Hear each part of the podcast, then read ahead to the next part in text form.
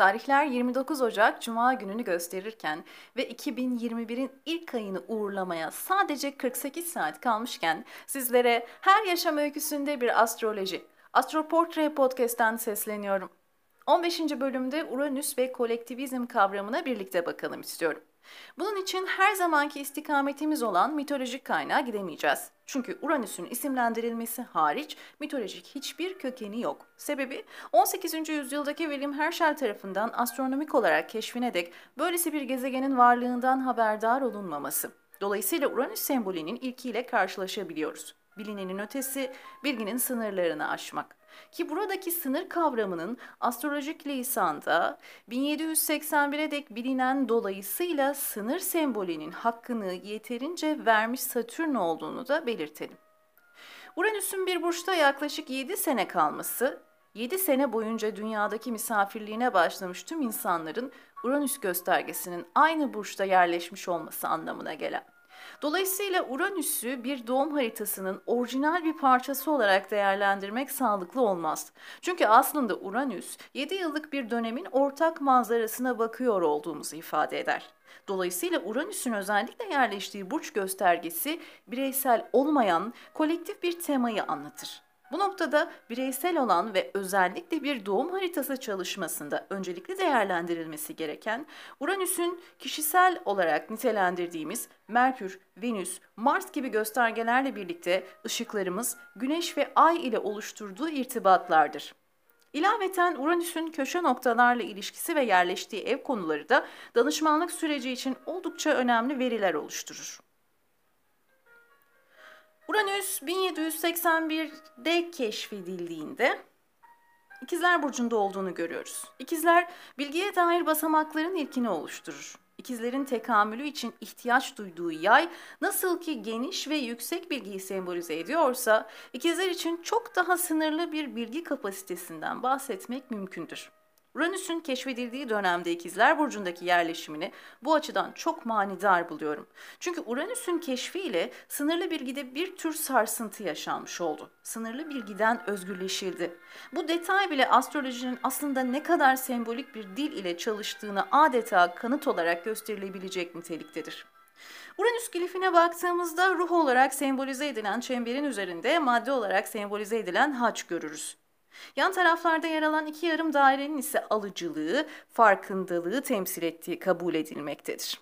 Modern astrolojide Kova burcunun ve 11. evin doğal yönetici gezegeni olarak Uranüs kabul edilmiştir. Ancak verdiğim danışmanlıklarda yöneticilik değerlendirmesi söz konusu olduğunda klasik astrolojiyi kullanmamın da alt metni olarak Uranüs'ün bireysel değil, kolektif bir astrolojik enstrüman olarak çalışması benim için de esastır.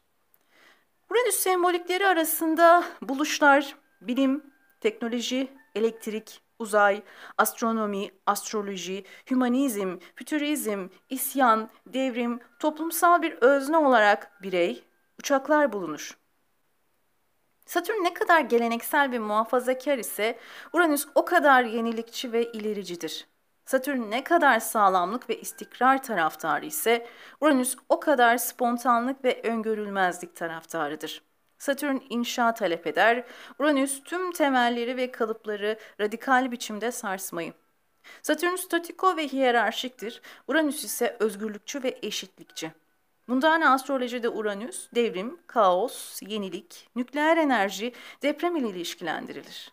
Uranüsyen meslekler arasında ise astrolog, pilot, astronot, bilgisayar teknolojistleri, elektrik başlığındaki tüm mesleki dallar, kaşifler, radyologlar, sivil toplumcular bulunur. Uranüs'ün kolektivizm kavramı ile bağlantısı keşfinden yaklaşık 8 sene sonra yaşanan Fransız devriminin sloganı olan özgürlük, eşitlik, kardeşlik ile oldukça iyi şekilde anlatılabilir diye düşünüyorum. Kolektivizmde topluma faydalı bireycilik vardır. Ortak amaçlar ve idealler kolektivizm dinamosudur. Burada Uranüs'ün anti-hiyerarşik sembolizmini de bulabiliriz. Kişisel haritalarda, üçgen ve seksil bağlantılarda özgünlük, rasyonellik, objektiflik, ilericilik, bağımsızlık, yüksek sosyal farkındalık gibi potansiyelleri hediye edebilirken, kare, zıtlık gibi sert bağlantılarda dengesizlik, istikrarsızlık, inatçılık, antisosyallik, uyumsuzluk, muhalefet için muhaliflik, sabırsızlık gibi handikaplar söz konusu olabilir. Ve son olarak Astroportre Instagram sayfamda sıra dışı dünya başlığı ile 15 Nisan 2020'de kaleme aldığım yaklaşık 2026'ya kadar Boğa burcundaki misafirliğini sürdürecek olan Uranüs semboliklerinden bahsederek noktalamak istiyorum. Özellikle dünya ve dünyevi materyaller ile özdeş boğa sembolü taşıyan tüm mecralarda radikalliği deneyimleyebileceğimiz bir süreç bizleri bekleyen. Bu süre zarfında bildiğimiz kaynaklardan özgürleşebiliriz. Sürdürülebilir kaynaklar kavramı yaşam alanlarımıza çok daha fazla girebilir. Kaynakların eşitçe ve adilce bölüşülmesine dair ideolojik bir farkındalık uyanışa geçebilir. Anti geleneksel yöntemlerle tarım yaygınlaşabilir. Bir tür tarım ve çiftçi devrimi yaşanabilir. Beslenme alışkanlıklarımızda radikal değişimler gündeme gelebilir ve en önemlisi ekonomik koşullarda istikrarsızlıklar, para sisteminde yepyeni bir çığır açılabilir demişim. Evet, 5 Şubat Cuma Astroportre Podcast 16. bölümünde bir Uranüs portresinde yeniden buluşabilmek dileğiyle.